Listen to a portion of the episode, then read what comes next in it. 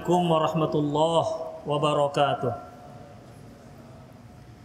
إن الحمد لله نحمده ونستعينه ونستغفره ونعوذ بالله من شرور أنفسنا وسيئات أعمالنا من يهده الله فهو المهتد ومن يضلل فلن تجد له وليا مرشدا أشهد أن لا إله إلا الله وحده لا شريك له وأشهد أن محمدا عبده ورسوله الذي لا نبي بعده. وقال الله سبحانه وتعالى يا أيها الذين آمنوا اتقوا الله حق تقاته ولا تموتن إلا وأنتم مسلمون. يا أيها الذين آمنوا اتقوا الله وقولوا قولا سديدا.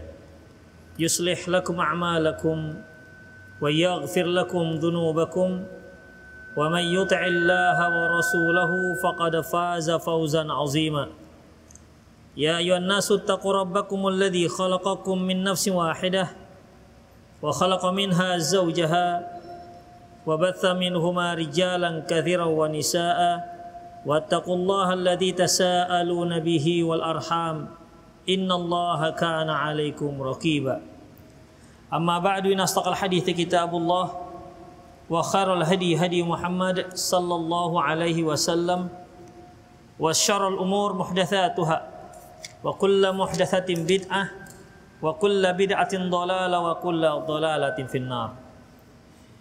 إخوتي في الدين رحمني الله وإياكم قال مؤلف رحمه الله yaitu Al-Imam Al-Bukhari rahimahullah babu ithmin babu ithmi qati'ir rahim bab dosa orang yang meninggal memutus tali silaturahmi.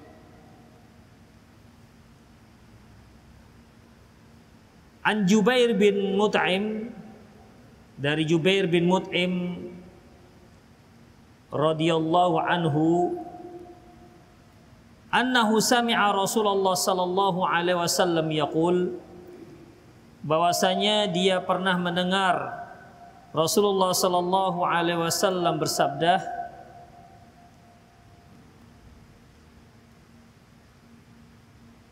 La yadkhulul jannah qati'u rahim. Tak masuk surga orang yang memutuskan tali silaturahmi. Tak masuk surga orang yang memutus tali silaturahmi Dari zahir hadis ini seolah orang yang memutus tali silaturahmi tak masuk surga dengan artian dia telah kafir karena tak masuk surga. Sepertinya kok tak masuk surga selamanya. Oleh karena itu, ikhwatiddin Imam An-Nawawi menjelaskan la yadkhulul jannah qati'ar rahim gak masuk surga mereka yang memutus tali silaturahmi ini memiliki dua arti. Yang pertama yaitu mereka yang menyatakan halal boleh memutus tali silaturahmi padahal mereka tahu ini perkara yang diharamkan oleh Allah perkara yang dilarang dalam Islam dia tahu itu tapi dia katakan boleh halal hukumnya maka orang seperti ini dia tak masuk surga selamanya. Mengapa demikian? Karena dia telah menghalalkan yang jelas-jelas diharamkan oleh Allah Subhanahu wa taala. Dan ini berlaku untuk seluruh hukum Islam. Seperti kalau ada seorang yang tak bayar zakat, tak membayar zakat karena dia menyatakan halal, tak mengapa tak bayar zakat, maka orang ini kafir. Kenapa? Karena dia telah menghalalkan sesuatu yang dilarang oleh syariat Islam. Allah menyatakan kepada kita agar kita berbakti kepada kedua ibu bapak. Wa insana biwalidayhi ihsana. Dan kami wasiatkan kepada manusia agar bersikap baik kepada kedua orang tuanya. Kemudian ini sangat jelas hukumnya wajib. Tapi dia dengan beraninya mengatakan halal, boleh nggak apa melawan orang tua dan durhaka kepada mereka. Maka orang ini berarti telah menghalalkan apa yang diharamkan oleh Allah. Atau yang mereka yang mengatakan bahwasanya minuman yang memabukkan itu atau khamr itu sekarang sudah halal karena tidak menimbulkan efek samping dia katakan. Maka kita katakan orang ini murtad. Kenapa? Karena telah menghalalkan apa yang diharamkan oleh Allah Subhanahu wa taala. Demikian juga sebaliknya. Mereka yang mengatakan bahwasanya boleh tidak sholat. Kita tahu bahwasanya sholat wajib boleh tidak sholat, tidak sholat wajib, berarti orang ini telah kufur. Sama halnya dengan ini Khofiddin, Rasulullah katakan, La yadkhulul jannah qati'ur rahim. Tak masuk surga orang yang memutus tali silaturahmi. Kalau dia meyakini halal hukumnya memutus tali silaturahmi, sementara dia tahu tanpa syubhat sedikit pun bahwasanya menjaga silaturahmi dengan kerabat-kerabat itu hukumnya wajib, maka orang ini jatuh kepada kekufuran. Tak masuk surga dengan artian selamanya. Berarti dia telah murtad dari Islam. Ini makna yang pertama. Makna yang kedua yang disebutkan oleh Imam Nawawi yaitu mereka yang memutuskan tali silaturahmi tapi tidak dikarenakan penghalalan. Mungkin dikarenakan dia marah dengan abangnya, ya, benci dengan kakaknya, sehingga dia putus tali silaturahminya, walaupun dalam hati kecilnya nggak boleh. Dia tahu ini sebuah pelanggaran ajaran Islam, maka orang ini la yadakhul jannah qati'ur rahim gak masuk surga pemutus tali silaturahmi orang ini masuk ke dalam uh, orang ini kalau Allah Subhanahu wa taala tak ampuni maka dia masuk ke dalam neraka. Dahulu lantas barulah dia masuk ke dalam surga. Kalau Allah tak ampuni. Mengapa demikian ikhwatiddin karena memutus tali silaturahmi itu bukan dosa syirik. Syirik iya apabila ada seorang yang melakukan perbuatan syirik kemudian dia mati belum sempat taubat maka tidak ada kemungkinan keampunan untuk orang ini. Tetapi selain syirik masih ada kemungkinan untuk diampuni. Innallaha la yaghfiru ayyushraka bihi wa yaghfiru ma duna dzalika liman yasha. Allah itu tak akan pernah mengampuni orang yang mensekutukan dirinya tapi masih mengampuni dosa-dosa yang lain liman sya'a bagi siapa yang Allah kehendaki. Dengan artian para pelaku-pelaku dosa besar tahta masyiatillah mereka itu di bawah kehendak Allah. Insya'adzabahu wa insya'aghfaralahu kalau Allah mau Allah azab kalau Allah mau Allah ampuni. Dan termasuklah ini yaitu mereka yang memutus tali silaturahmi dengan keyakinan bahwasanya sebenarnya wajib tapi saya benci sekali dengan kakak saya misalnya atau dengan ayah saya misalnya, maka orang ini masuk ke dalam surga kalau Allah ampuni dosanya. Kalau tidak, maka dia masuk neraka dahulu. Dibersihkan dahulu. Mengapa demikian ikhwatiddin rahimanallahu wa iyyakum? Karena untuk penduduk surga Allah Subhanahu wa taala mengatakan dalam ayatnya, "Salamun alaikum tibetum fadkhuluha khalidin." Salam atas kalian, tibetum kalian sudah menjadi baik, sudah bersih. Ya, kalian sudah baik dan sudah bersih, kemudian fadkhuluha khalidin silakan kalian masuk ke dalamnya dengan kekal selamanya. Dalam masalah ini Khafiddin ya, seorang yang masuk surga itu itu harus bersih. Tidak ada kezoliman. Ya, tidak ada kezoliman. Bersih. Makanya salamun alaikum tibetum. Salam atas kalian. Jadi ketika orang-orang masuk dalam surga, disambut oleh malaikat salamun alaikum salam atas kalian tibetum kalian sudah baik sudah bersih fadkhuluha khalidin silakan masuk ke dalam surga kekal selamanya makanya orang-orang yang sudah menjadi calon-calon penduduk surga sebelum masuk ke dalam surga mereka ditempatkan di sebuah yang disebut jeser, jembatan. Di situlah apabila ada kezoliman di antara mereka, maka dibalas. Ya, dibalas. Kalau sudah bersih semuanya, barulah mereka dipersilakan masuk ke dalam surga jannatun naim. Itulah ikhwatiddin rahimani Allah wa iyyakum. Jadi la yadkhul jannah qati'ur rahim, tak masuk surga orang yang masuk ke dalam uh, tak masuk surga orang yang memutus tali silaturahmi kalau dia berani menghalalkan boleh memutus silaturahmi maka dia jatuh kepada kekufuran tak masuk surga selamanya dengan artian dia dipendam ke dalam neraka selamanya. Tapi kalau dikarenakan dia mengikuti hawa nafsunya, dikarenakan mengikuti emosionalnya sementara dia tahu ini sebuah kesalahan, maka orang ini tahta masyiatillah berada di bawah kehendak Allah. Insyadzabahu kalau Allah mau Allah siksa dia artinya masuk neraka dulu dibersihkan dulu. Wa insya'a kalau Allah mau Allah ampuni dia. Itu ikhwatiddin makna hadis ini. Hadis sahih. Kemudian an Abi Hurairah radhiyallahu anhu. Dari Abi Hurairah radhiyallahu anhu. An Rasulillah sallallahu alaihi wasallam. Dari Rasulullah sallallahu alaihi wasallam innar rahima sajnatun minar rahman sesungguhnya rahim itu merupakan diambil dari sifat Ar-Rahman, sifat Allah. Taqulu Inna rahim sungguhnya rahim itu diambil dari Ar-Rahman. Allah Subhanahu wa taala memiliki sifat Ar-Rahman Ar-Rahim. Ar-Rahman artinya Maha Maha apa Ar-Rahman? Pengasih. Ar-Rahim Maha penyayang. Ya,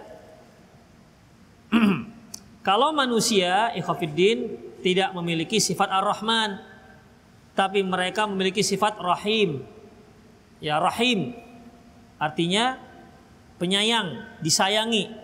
Makanya uh, Allah menceritakan tentang Rasulullah sallallahu alaihi wasallam Allah menceritakan tentang Rasulullah sallallahu alaihi wasallam wabil mu'minina raufur rahim beliau itu terhadap orang mukmin ghafurur rahim yaitu pengasih ya menyayangi penyayang sayang terhadap orang-orang mukmin. Taib. Sesungguhnya rahim ini merupakan akar kata ataupun berasal dari Ar-Rahman, Allah Ar-Rahman. Wa taqulu ya Rabb. Dia mengatakan wahai Allah, wahai Tuhanku. Silaturahmi ini nanti di hari kiamat dia akan berbicara. Padahal kita ketahui bahwasanya yang namanya silaturahmi itu kata benda yang berbentuk abstrak, tidak konkret. Seperti miskin. Mari kita berantas kemiskinan. Coba cari mana yang miskin. Mana itu kemiskinan? Orang miskinnya bisa kita tunjuk. Tapi kalau kemiskinan gimana? Kaya kekayaan. Kekayaan itu adalah kata benda yang bersifat abstrak. Tapi bentuknya tidak ada. Bentuknya nggak ada. Mana yang namanya kekayaan? Oh ini harta benda. Harta ini hartanya. Demikian ikhwafiddin. Ada orang yang kaya. Tapi nggak banyak harta bendanya. Ada nggak? Apa itu? Rasulullah katakan kaya dia. Walaupun tak punya harta benda, walaupun sedikit harta bendanya, minim kekayaannya. Beliau katakan, laisa al-ghina an kathratil arad walakin al-ghina ghinan nafs bukanlah yang dikatakan kekayaan yang hakiki itulah banyak harta benda tapi dikatakan kaya adalah kaya hatinya banyak bersyukur makanya antum kalau mau menikah kurang modal datangi calon mertua kamu punya apa memang pak saya tak punya harta benda tapi saya kaya akan hati Wah, gitu. Kalau seandainya Bapak meminta sekian jumlah uang tidak dapat aku berikan, tapi kalau Bapak meminta agar saya menyayangi anak Bapak, maka seluruh kasih sayang saya akan saya curahkan kepada anak Bapak. Gak memodal itu kan? Itu Khofiddin. Itulah yang namanya kekayaan. Ya. Itu yang namanya kekayaan. Untuk apa kaya raya tapi nggak saling mencintai? Tahu nggak? Tahu nggak? Tahu nggak? Iya kan? Itu ikhafiddin. Boleh dibalik. Untuk apa saling mencintai kalau nggak kaya? Bisa? Hah? Nggak makan nanti, bisa saling mencintai. Ya makanlah walaupun sepiring berdua begitu. Tapi insya Allah hatinya harus diperkaya. Taib ikhafiddin. Jadi rahim ini berbicara. Ya. Di hari kiamat nanti ikhafiddin segala sesuatunya bisa terwujud. Contohnya ketika seorang masuk ke kuburan bagi seorang mukmin setelah dia dipertanyakan diberikan pertanyaan oleh nungkar nangkir Mar rabbuka wa ma nabiyuka wa ma kemudian dia sanggup untuk menjawab.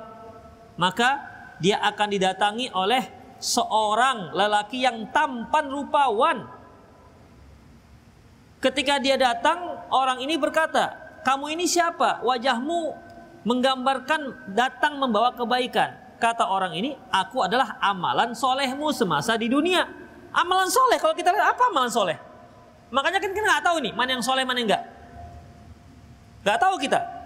Kalau antum mau minang akhwat, kan gak tahu mana soleh mana enggak, mana soleh mana enggak. Kalau nggak ada gambarannya, kalau seandainya ada ciri-cirinya, kalau soleha itu agak mancung, masih mendingan. Kalau kurang soleha, agak pesek, semakin nggak soleha, semakin pesek dia misalnya. Itu bukan itu tanda-tanda yang nggak bisa terkait dengan tidak terkait dengan soleha dan soleh misalnya ikhafidin.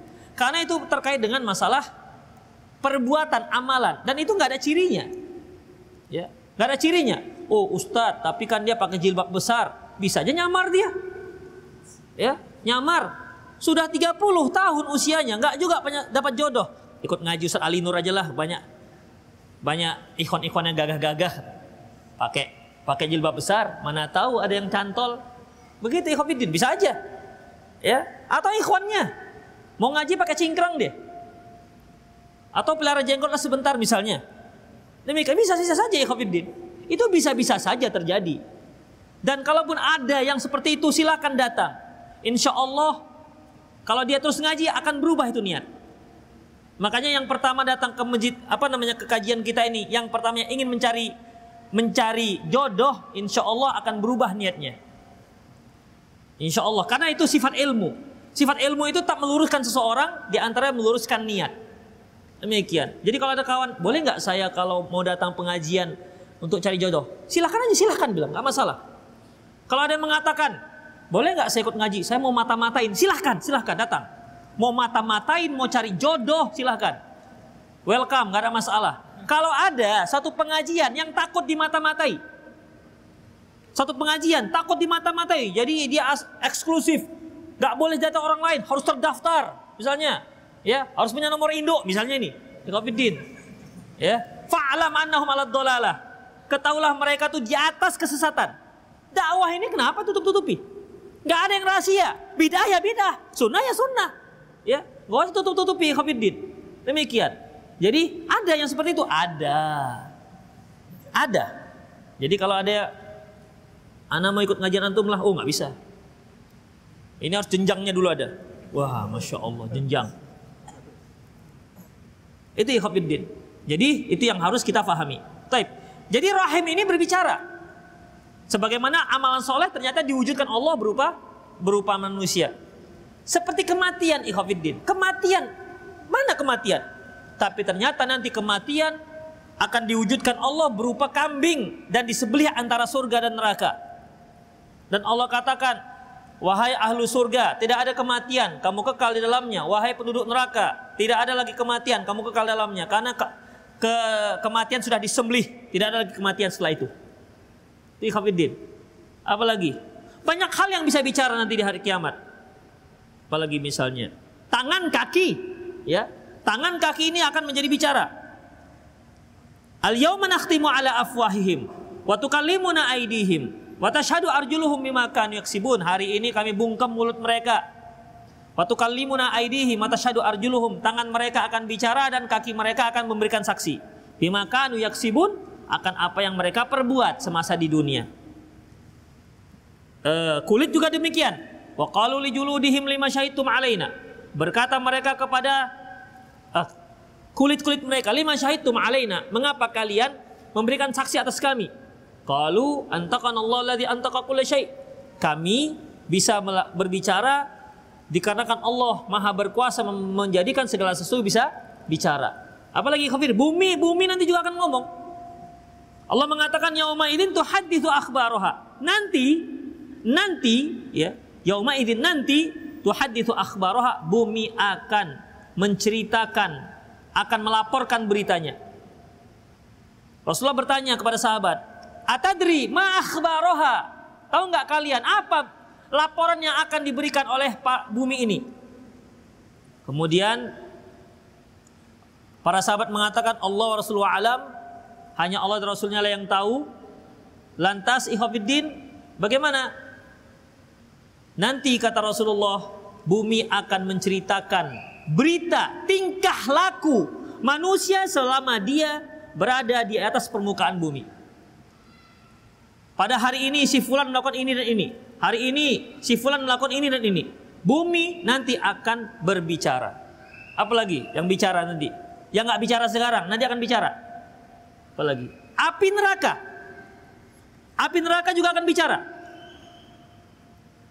Uh, dalam surat Al-Hadid Yauma naqulu li jahannam halim talati wa taqulu hal mim mazid pada hari kami berkata kepada neraka, Halim talati, apakah kamu sudah penuh hai neraka?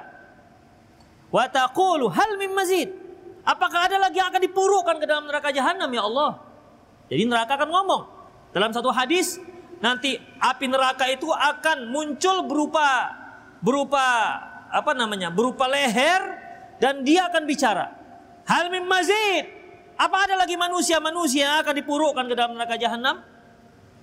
Kemudian Allah Subhanahu wa taala memasukkan kakinya, meletakkan kakinya ke ke neraka hingga neraka mengatakan kotun kotun, menyempitlah neraka dan kata neraka mengatakan sudah sudah cukup cukup.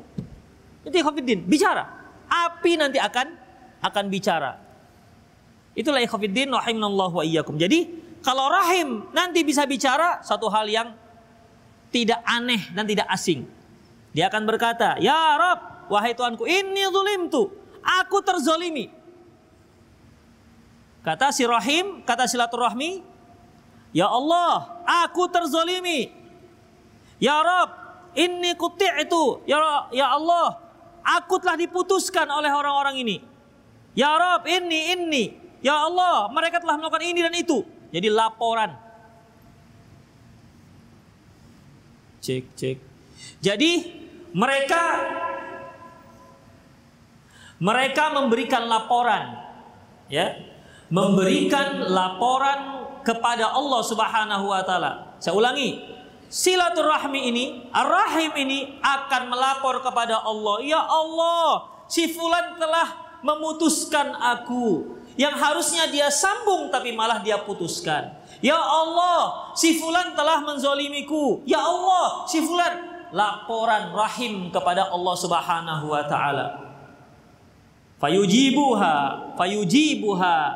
Lantas Allah menjawab ala tardi ala turdina an aqta man qata'aki? Tidakkah engkau ridho aku akan memutuskan hubunganku dengan hambaku yang memutuskan dirimu. Wa asila man wasalaki? Dan aku akan sambung hubunganku dengan hambaku yang menyambungkan dirimu. Bagaimana? Dalam hadis yang lain, Rahim menjawab, roditu, roditu. Aku ridho dan aku ridho. Ikhafidin, ini merupakan ancaman. Apakah ada ancaman yang lebih mengerikan selain Allah putuskan hubungan dia dengan seorang hamba? Allah biarkan dia menjadi budak-budak setan.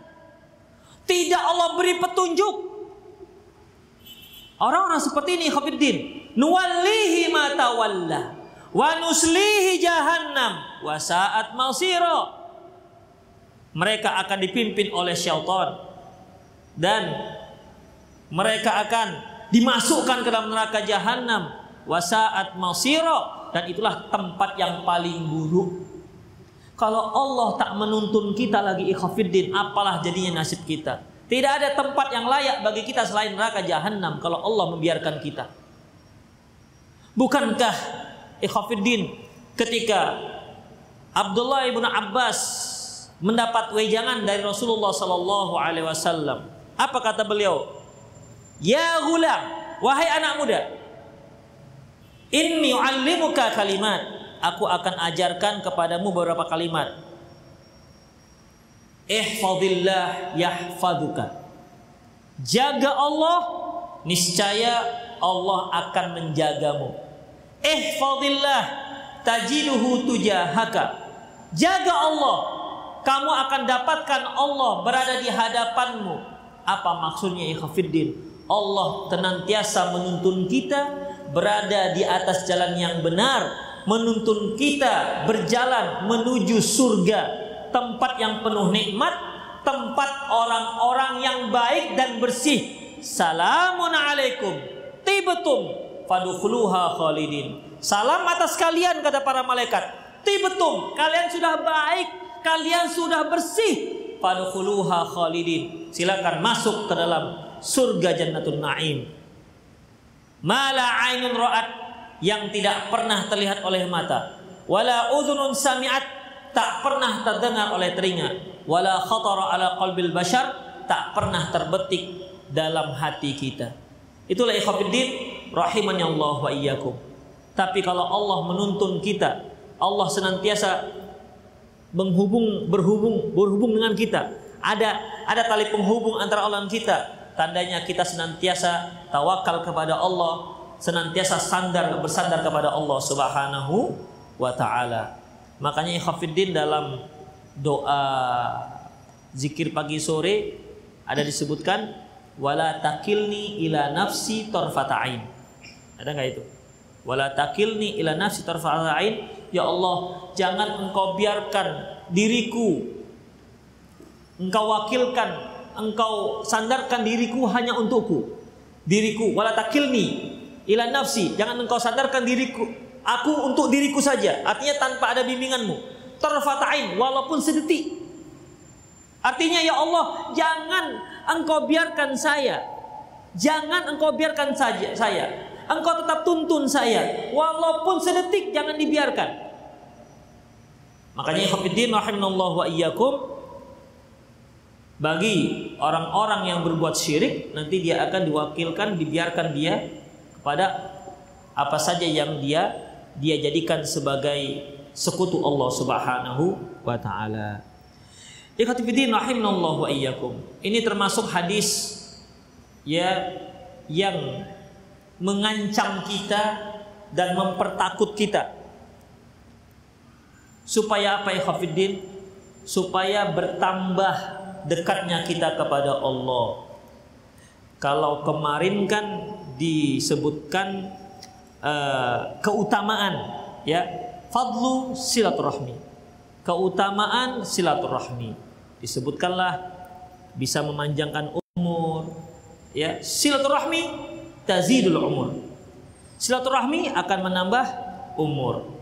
Bab selanjutnya man wasala rahimah ahabbahu ahlu Barang siapa yang menyambung tali rahimnya maka akan dicintai oleh keluarganya. Dalam nuskhah yang lain ahabbuhu ahabbuhullah. Barang siapa yang menyambung silaturahmi maka Allah akan mencintainya. Ini merupakan uh, keutamaan. Ya, keutamaan. Dan ternyata ini nggak cukup. Harus ada ancaman. Bagi melakukan ini maka ini keutamannya. Awas bagi yang memutusnya. Ini ancamannya. Maka bab ini menyebutkan ismun qati'ir rahim. Dosa bagi orang yang memutus silaturahmi. Kemudian di antara ancamannya Allah akan putuskan dia dengan Allah Subhanahu wa taala. Itu ikhwatiddin. Ini yang dikenal dengan targhib wa tarhib. Targhib mendorong kita untuk beramal. Tarhib mengancam kita jangan sampai ditinggal. Itu dia. Ya. Mendorong kita untuk beramal seperti apa misalnya? Uh, salat mendorong kita untuk beramal. Tapi diancam juga awas bagi yang meninggalkannya. Itu namanya tarhib wa tarhib. Mendorong kita untuk beramal dan mengancam kita kalau meninggalkan amalan tersebut. Dan ini sudah masuk tarhib, mengancam kita. Mengancam kita. Kalian kalau putus silaturahmi, neraka ancaman kalian. Itu ikhwatiddin. Kemudian ikhwatiddin Allah wa iyyakum. An Sa'id ibni Sam'ana qala dia berkata Sami itu Abu Hurairah yata'awwadhu min imaratis sibyan wasufaha. Aku pernah mendengar Abu Hurairah memohon perlindungan kepada Allah dari penguasa-penguasa yang berusia dini atau anak-anak wasufaha dan penguasa-penguasa bodoh. Ya, dari penguasa-penguasa yang masih usia dini dengan penguasa-penguasa yang bodoh. Ikhafidin sebagaimana yang kita ketahui, seorang penguasa minimal dia memiliki dua syarat, yaitu bastatan fil ilmi wal jism. Bastatan fil ilmi wal jism. Dia harus punya ya, dia punya ilmu untuk mengatur apa yang dia pimpin.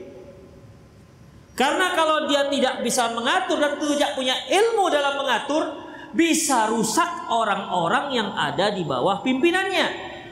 Bahkan tanpa dia sadari, dia telah menzolimi orang yang di bawah pimpinannya apa pun pimpinannya.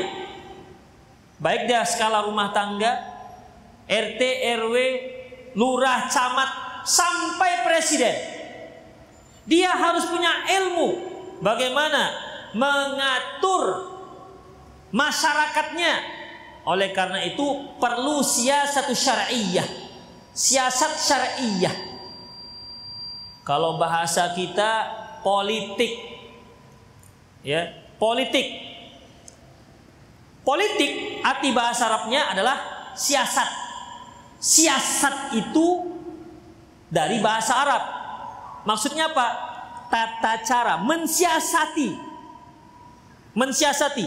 Bagaimana cara mensiasati sehingga masyarakat ini merasakan faedah dan maslahatnya dan menjauhkan mereka dari mudorotnya. Itulah siasat. Jadi nggak ada yang namanya siasat syariah itu dengan cara bohong-bohongan. Ini bukan siasat syariah namanya. Ini siasat syaitoniyah. Siasat setan namanya. Karena hanya setan yang tukang bohong. Makanya tidak boleh bohong. Apa kata Rasulullah sallallahu alaihi wasallam? Ana za'imun. Ana za'imun fi rabadil jannah liman tarakal liman tarakal kadhib wa in kana mazihan. Aku akan jamin seseorang itu mendapatkan surga di tengah-tengah rumah. Ana zaimun bi baitin fi rabadil jannah aku menjamin seorang mendapatkan rumah di taman surga liman tarakal kadhib bagi siapa yang meninggalkan dusta wa ingkana mazihan walaupun dia dengan cara berbohong. Jadi dalam Islam tidak dibenarkan bohong. Tidak dibenarkan bohong. Siasat syar'i tidak ada kebohongan. Berarti kalau ada orang-orang yang berpolitik menghalalkan kebohongan hanya untuk kepentingan partai, itu siasat setan dan iblis bukan syar'i. Karena siasat syar'i itu yang diandaskan pada kejujuran dan untuk kemaslahatan masyarakat, menjauhkan kemudorotannya. Itulah siasat. Kita berikan contoh. Di rumah tangga itu sudah ada siasat. Contohnya, seorang ibu ketika pada pagi hari dia harus menyediakan sarapan untuk anak dan suaminya. Ketika sarapan tentunya piring-piring sudah bersih. Sementara sarapan sedang dimasak, piring sedang kotor. Bagaimana caranya supaya masakannya selesai, piring sudah bersih? Maka mak-mak inilah yang pandai sambil masak sambil cuci piring. Itu namanya siasat. Ya. Jadi tangan kiri menggoreng ikan, tangan kanan mencuci piring, kaki kanan ngepel dapur. Itu siasat namanya. Demikian ikhwatiddin. Makanya kalau kita lihat mak-mak yang sudah senior, mereka itu mereka itu kalau di dapur seperti main-main tapi enak masya Allah masakannya. Saya lihat mak saya rahimahullah ya masak gulai di apa nak ulek-ulek sedikit eh, enak masya Allah.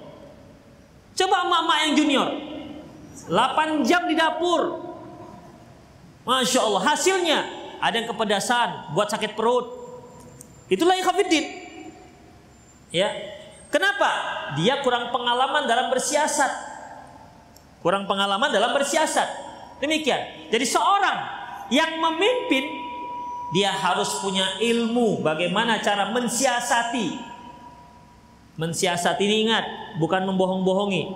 Gimana cara mensiasati istri saya ini? supaya nggak ketahuan saya kawin lagi. Misalnya itu bukan, itu bukan siasat. Siasat juga tapi bukan syariah. Itu dia. Ya, siasat tapi bukan syariah. Bastatan fil ilmi wal jism dan jism artinya tubuhnya harus kuat untuk melaksanakan tampuk pemerintahan. Seorang suami dia merupakan puncak pemerintah keluarganya. Ilmu saja tak cukup. Dia harus punya kekuatan, punya fisik yang sehat untuk melaksanakan kepemimpinannya karena dia harus mencari nafkah. Dia harus memberikan nasihat kepada anak dan istrinya. Demikian ikhwatiddin, ya, barulah dia bisa menjadi seorang pemimpin Taib. Sekarang uh, Abu Hurairah radhiyallahu anhu yata'awwadu min imaratis sibyan.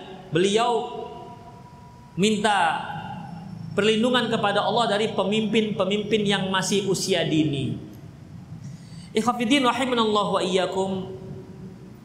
Kenapa para rasul itu umumnya diutus pada usia sudah 40? Karena usia itu usia yang matang. Makanya kaum laki-laki kalau sudah usia 40 nampak matangnya. Dibandingkan kalau di bawah 40, 30, apalagi masih 25, masih mau kencur itu.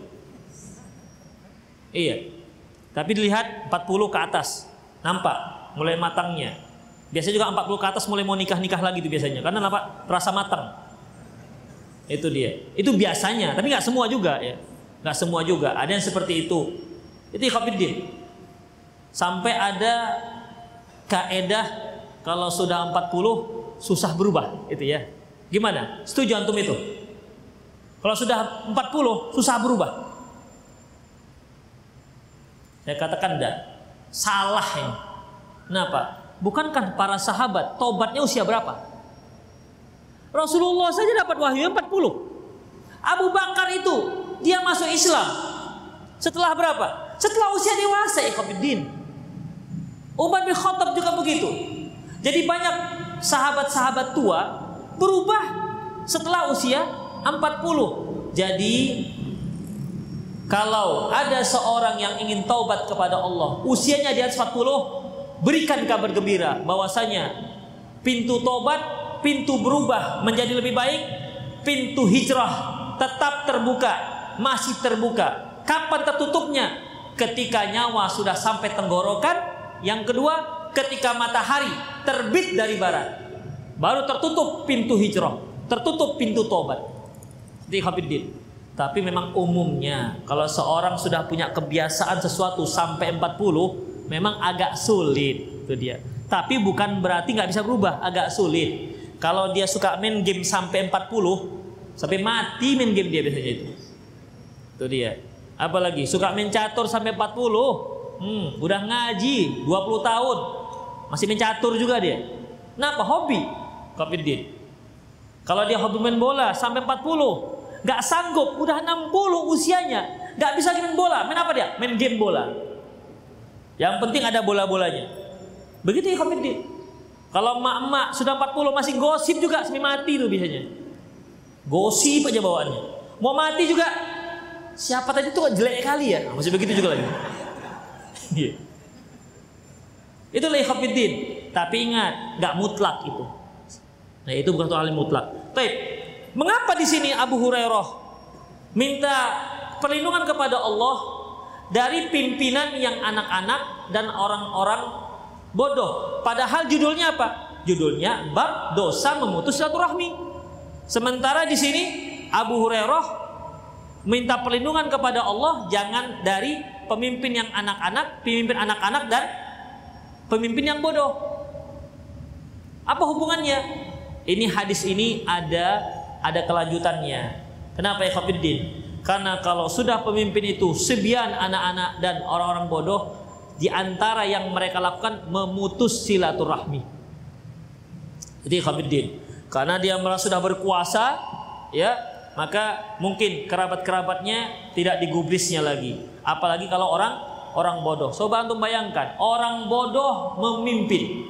Apa jadinya?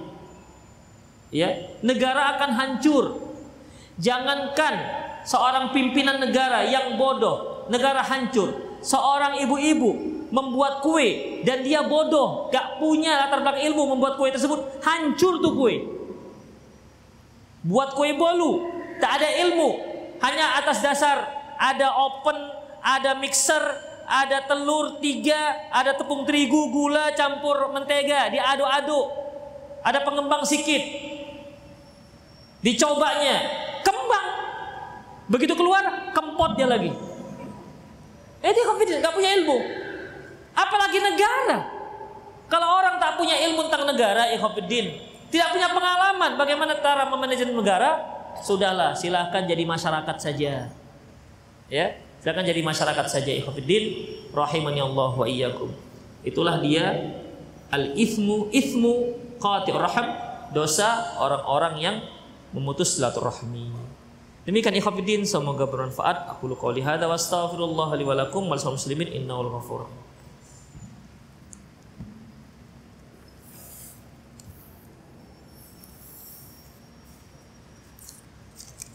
Ustadz, kalau misalnya kita pernah memutus silaturahmi kepada seseorang, lalu orang tersebut telah meninggal, apa yang harus kita lakukan untuk menyambung silaturahmi lagi dengan dia? Pertama ikhafiddin taubat kepada Allah. Ingat, yang dikatakan memutus silaturahmi itu adalah terkait dengan kerabat. Ingat ya, ini terkait dengan kerabat, bukan dengan teman. Ya, kalau teman itu menyambung ukhuwah, bukan bukan silaturahmi. Yang diwajibkan adalah kerabat ini.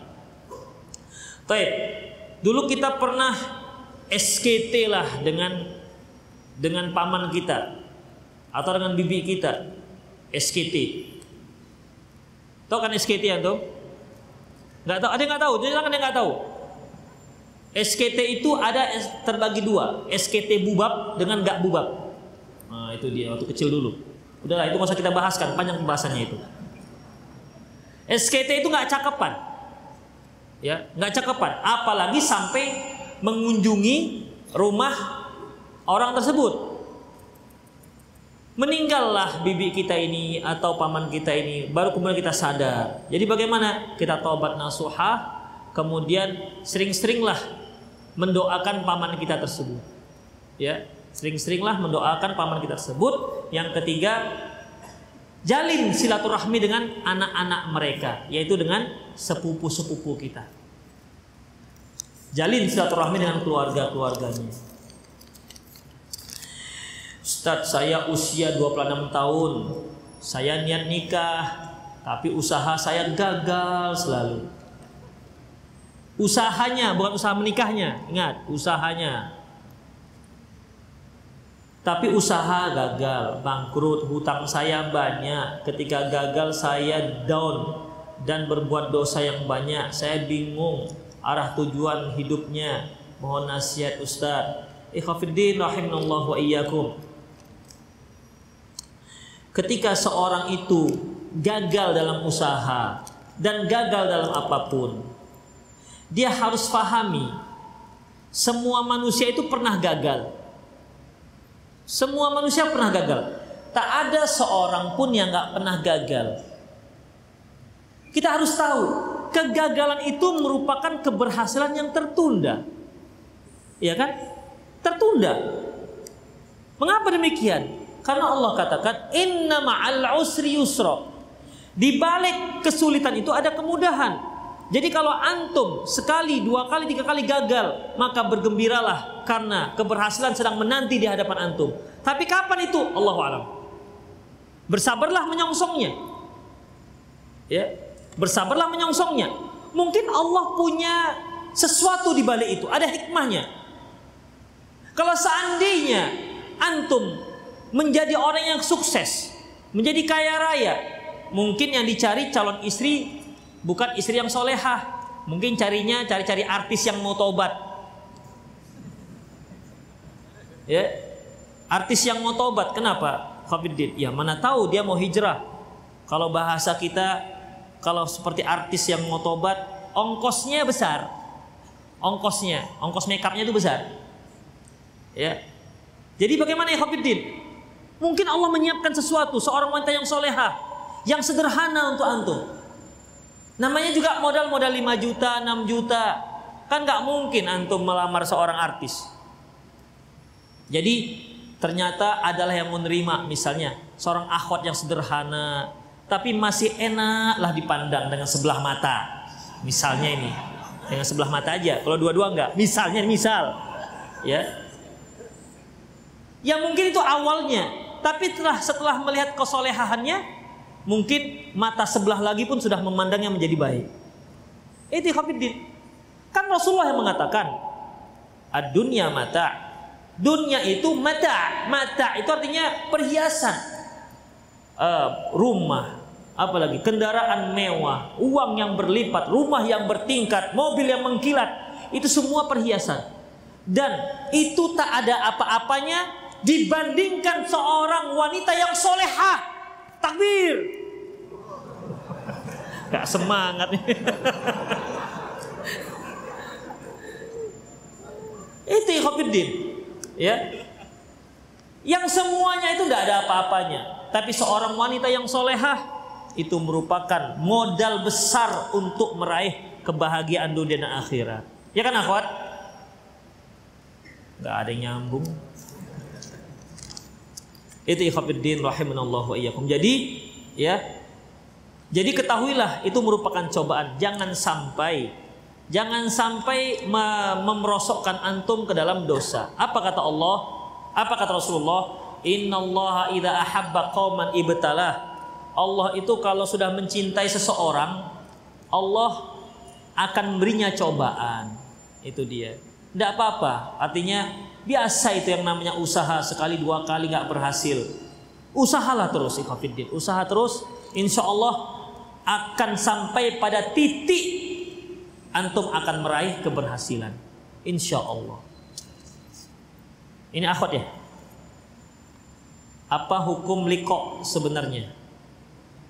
Liko itu pertemuan. Tergantung antum bertemu dengan siapa. Kalau antum bertemu dengan pacar, ya haram hukumnya liko. Kalau kita para ustadz jika datang para masyayikh ya memberikan daurah, adanya mah liqa maftuh. Pertemuan terbuka. Artinya apa? Artinya kita silahkan bertanya apa saja tanpa ada materi. Tanpa terkait dengan materi. Itu namanya liqa maftuh. Makanya liqa apa ini sekarang? Apa hukum liqa sebenarnya? Bolehkah kita mengikuti liqa? Eh boleh. Kalau bertemu saja. Sekarang ini kita liqa ini antum dan saya bertemu sedang bertatap muka, liko namanya. Ya. Makanya kalau kita berpisah, apa bahasa Arabnya? Ilal liko, ya kan? Sampai bertemu kembali. Jadi liko itu artinya bertemu. Ya, bertemu. Dan awal pertemuan sudah membuat statement bahwa saya kajian ini dilakukan secara sembunyi-sembunyi. Pacaran nih mungkin pertemuan sembunyi-sembunyi. Mungkin hubungannya tidak di, direstui oleh orang tuanya mungkin ini maksudnya ini. Leko. Atau mungkin liko dalam istilah pergerakan. Gitu. Itu maksudnya. Ikhafidin rahimallahu wa iyyakum. Perhatikan. Konsep dalam Islam sebagaimana dikatakan oleh Syekh Muhammad Abdul Wahab, fa'lam rahimakallah annahu yajibu alaina ta'allumu arba'i masail. Kata beliau, ketahuilah semoga Allah merahmatimu. Wajib atas kita mempelajari empat hal. Yang pertama al ilmu yaitu ma'rifatullah, ma'rifatu nabihi, ma'rifatu dinihi bil adillah. Pengetahuan tentang Allah, rasulnya dan agama dengan dalil. Kemudian al amalu bihi mengamalkannya. Kemudian wad-da'watu ilaihi mendakwakannya was-sabru al adza dan sabar atas gangguan. Jadi Khafiddin, kalau yang dimaksud liko itu adalah pembelajaran ataupun pengajian, lihat apakah yang memberi pengajian itu memang orang yang berkompeten, punya ilmu apa tidak? Begitu Khafiddin. Dan tidak ada yang namanya pengajian agama itu yang sembunyi-sembunyi. Gak ada. Makanya para ulama kita mengatakan apabila kalian melihat ada sebagian orang ngajinya sembunyi-sembunyi tanpa yang lain, fa'lam annahum ala dolalah, ketahuilah mereka di atas kesesatan. Gak ada sembunyi-sembunyi. Islam itu sudah tersebar. Gak ada yang perlu disembunyikan. Itu khabir. Tidak ada yang disembunyikan. Jadi kalau likoknya likok sembunyi-sembunyi itu nggak usah, nggak usah ikutin seperti itu. Likok itu terbuka. Yang nggak tahu tanya, yang nggak jelas tanya, begitu. Nggak tahu dalilnya tanya dalilnya. Itulah dia ikhwan, terbuka. Ustadz, jadi gimana jika berbohong dalam kebaikan? Ikhwafiddin tidak ada berbohong dalam kebaikan. Berbohong itu semua dalam kejahatan. Hanya Rasulullah memberikan beberapa ada satu hal seperti antara suami dan istri itu boleh. Ya.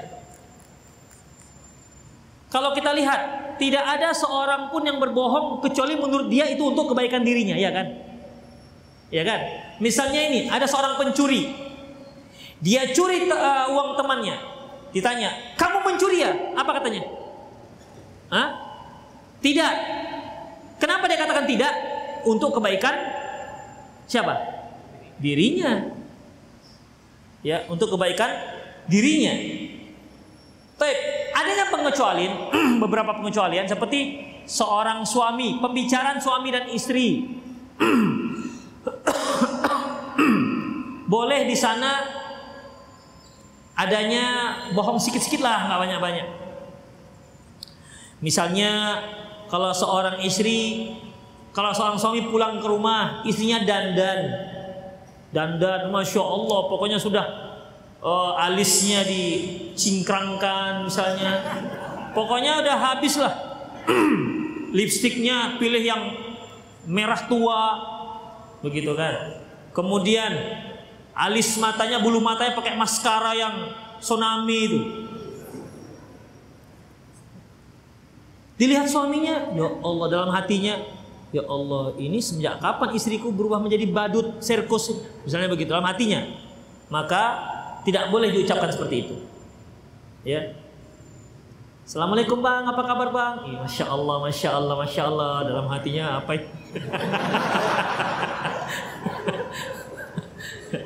Jadi jangan jujur kali di situ. Nah, nanti kalau sudah kondisinya normal, bilang, Dek, ini nggak cocok untuk kamu yang seperti ini lipstiknya jangan dimerahkan kali. Kalau kamu itu warna hitam misalnya begitu. Misal. Ya, demikian ikhwatiddin. Gak usah pakai ini, diarahkan dia. Jadi demikian juga kalau makan. Kalau istri kita makan nggak masakannya kurang enak, jangan terlalu jujur. Ini apa ini masakan kurang enak? 10 tahun kita menikah, garam pun nggak tahu berapa kadarnya, misalnya begitu. Dan nggak usah jujur-jujur kali ya gitu. Ya. Enak bang, Alhamdulillah, Masya Allah, Masya Allah. Terasa bagikan tsunami. Atau berbohong untuk me mengislah dua orang yang bertengkar. Tapi ingat, jangan sampai malah berbuat sesuatu yang lebih lebih parah. Misalnya kita katakan, eh uh, si A mau mau bertemu lah dengan kamu. Wih, apa iya? Pergi dia ke si ke, ke si si si A. Eh, si B mau ketemu lah. Apa iya? Begitu. Apa iya? Demikian ikhwatiddin. Kalau diperkirakan mereka bisa islah silakan. Tapi kalau enggak didatangi si A, si B datangi si A. Eh, ente mau ketemu Nane? Enggak tahan ya. Mikir, makanya begitu. Akhirnya kan bertambah parah. Eh, siapa bilang sorry lah ya katanya nanti. Nggak ada, siapa bilang tahan? Siapa bilang itu? Itu si Fulan. Wah, cari pasal nih orang ini. kan tambah kacau jadinya. Ustadz, bagaimana jika ada ikhwan yang usianya 21 tahun tapi diangkat jadi wakil asisten direktur? Apakah hal ini menyalahi hadis tentang pemimpin? Ikhwafiddin, kalau memang dia seorang yang berkompeten dalam masalah itu, dia ahli dalam dalam bidangnya, dan berpengalaman, silahkan. Ya silahkan. Karena itu bidangnya. Tapi yang namanya memimpin masyarakat, tidak bisa usia 21. memimpin masyarakat, Ikhwanuddin. Tak bisa usia 21. Apalagi memimpin masyarakat Indonesia yang jumlahnya 250 ribu juta. Iya kan? 250 ribu juta kan? Eh, 250 ribu.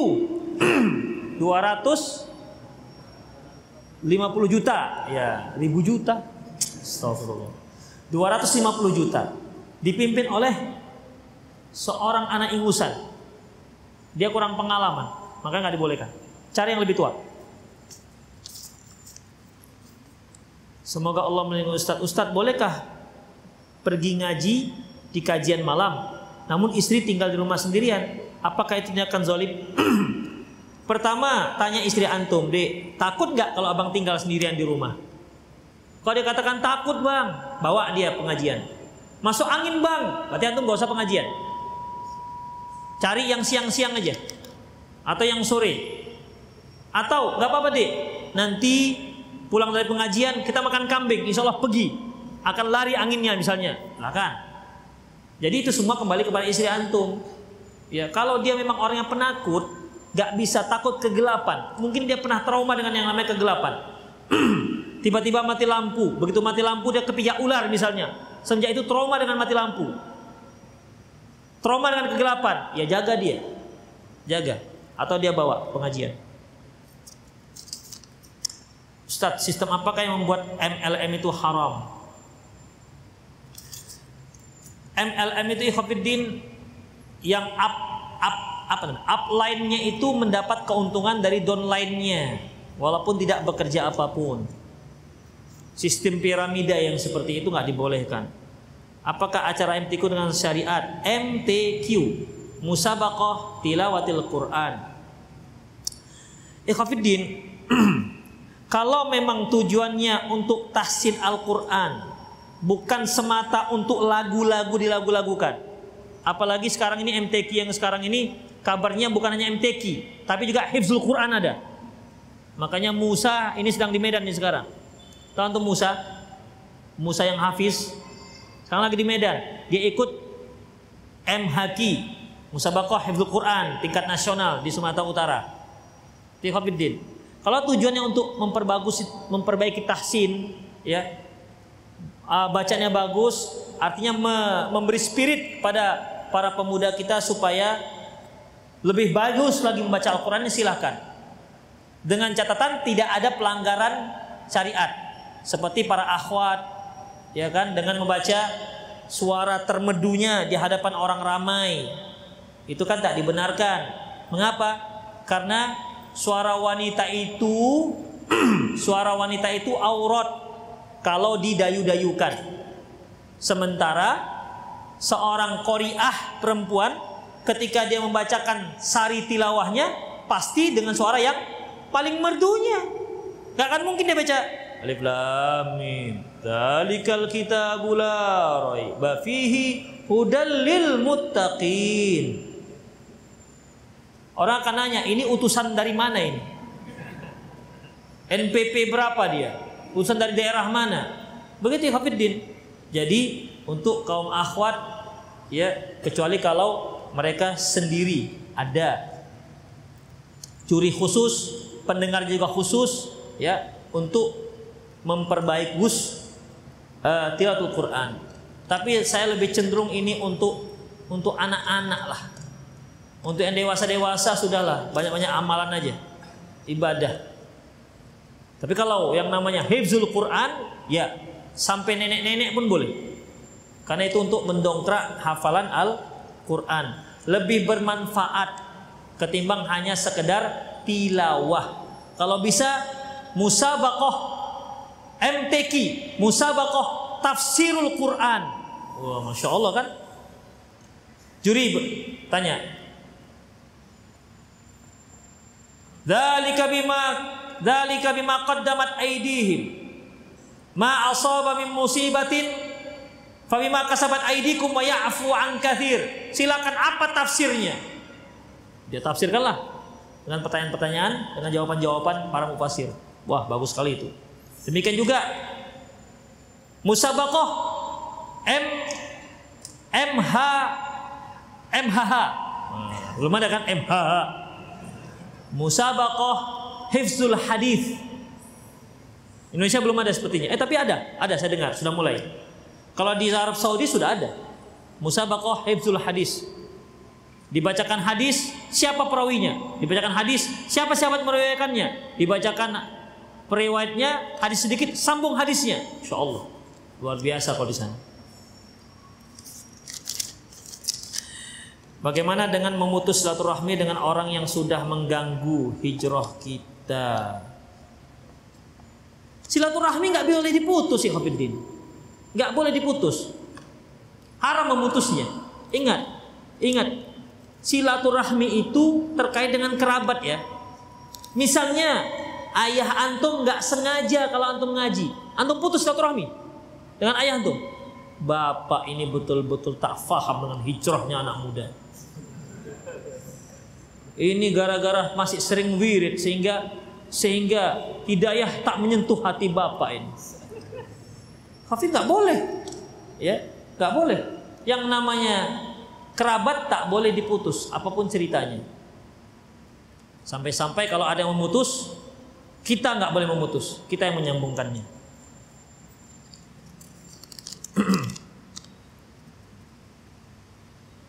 Saat bagaimana hukumnya anak perempuan diberi nama Muhammad? La ilaha illallah.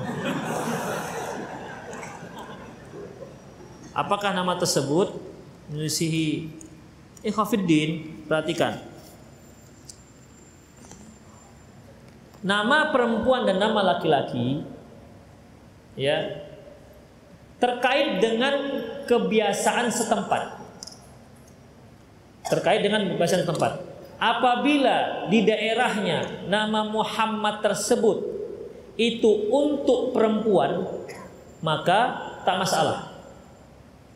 Apabila daerah tersebut nama tersebut untuk perempuan tak masalah. Apa contohnya Ikhwafiddin? Saya tanya kalau Salamah itu nama di Indonesia nama laki-laki perempuan Salamah perempuan di Arab sana nama laki-laki.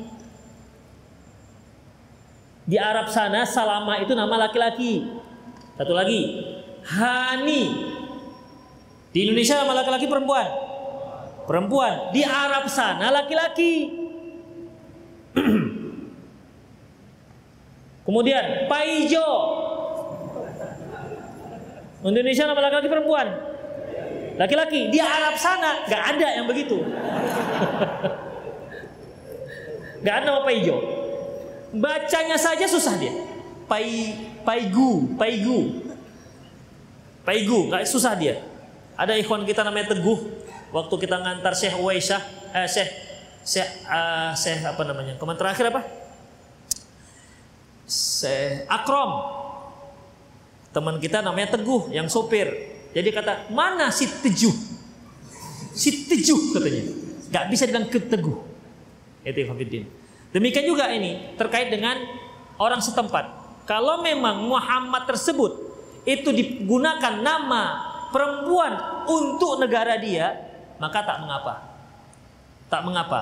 Tapi kalau tidak, maka dia masuk pada La'anallahu al-musyabbihina bin nisa wal musyabbihatu birijal. Allah melaknat laki-laki yang menyerupai perempuan dan perempuan yang menyerupai laki-laki.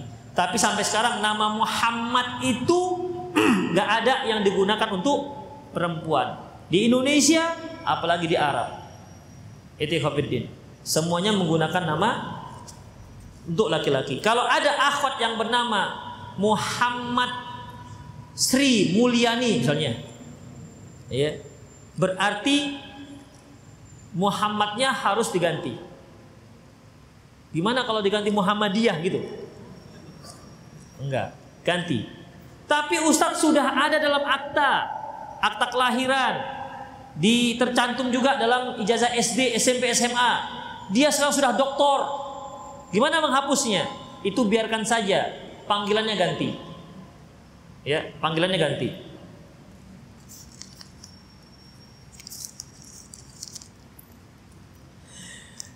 Apakah ada hukum isbal pada wanita? Enggak ada. Ya, enggak ada.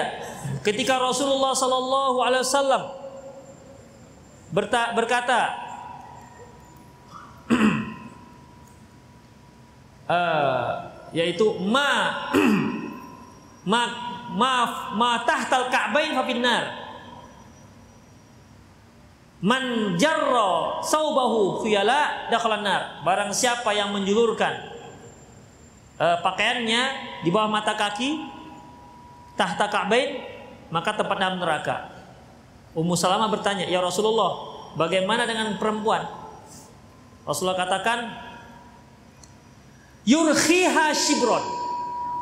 Kalau begitu untuk perempuan, panjangkan dia sejengkal, sejengkal dari mata kaki. Itu sudah berada di bawah mata kaki. Sejengkal se, sejengkal dari tengah betis, sejengkal dari tengah betis. Antum pegang uh, mata kaki, pegang betis, ukur tengah-tengahnya pakai pakai spidol. Itu tengah betis. Udah. Sejengkal dari tengah betis itu bisa dipastikan di bawah mata kaki. Coba. Coba. Coba antum tes, ya kan? Kalau ada berarti kaki antum yang anormal atau jarinya yang anormal. Coba, coba antum jengkal. Itu pasti di bawah mata kaki. Dari tengah betis, mata kaki. Sejengkal. Udah? Kata Ummu Salamah kalau begitu ya masih kalau begitu ya masih apa namanya? Masih terlihat kakinya. Kata Rasulullah yurkiha ziroan. Kalau begitu dia panjangkan se, se, se, sejauh uh, sepanjang satu hasta. Itu dia. Jadi pakaian perempuan itu di bawah mata kaki, pakaian laki-laki di atas mata kaki. Makanya ketika ada seorang pemuda dia menggunakan pakaian, memakai pakaian di bawah mata kaki, lantas Umar bin Khattab bertanya, "Ahitta anta?" Eh, kamu haid ya? Kata laki-laki ini dengan lugunya, ahado rijal apakah ada laki-laki yang haid? Saking lugunya. Kata Umar Khattab pakaian itu musbil artinya kamu itu sedang menyerupai perempuan. Jadi isbal di bawah mata kaki itu menyerupai perempuan. Baik dia khuyala maupun tak khuyala. Lantas Umar bin Khattab tanpa permisi dengan laki-laki tersebut ambil gunting digunting. Kalau seandainya kalau seandainya memanjangkan pakaian di bawah mata kaki itu sunnah bukan wajib, ap apakah boleh kita merusak harta orang lain? Ya, dengan tanpa izin dia? Gak boleh. Misalnya, saya melihat pakaian antum, saya potong dari belakang pakai gunting. Mau antum? Saya melakukan dosa kenapa? Itu pakaian dia.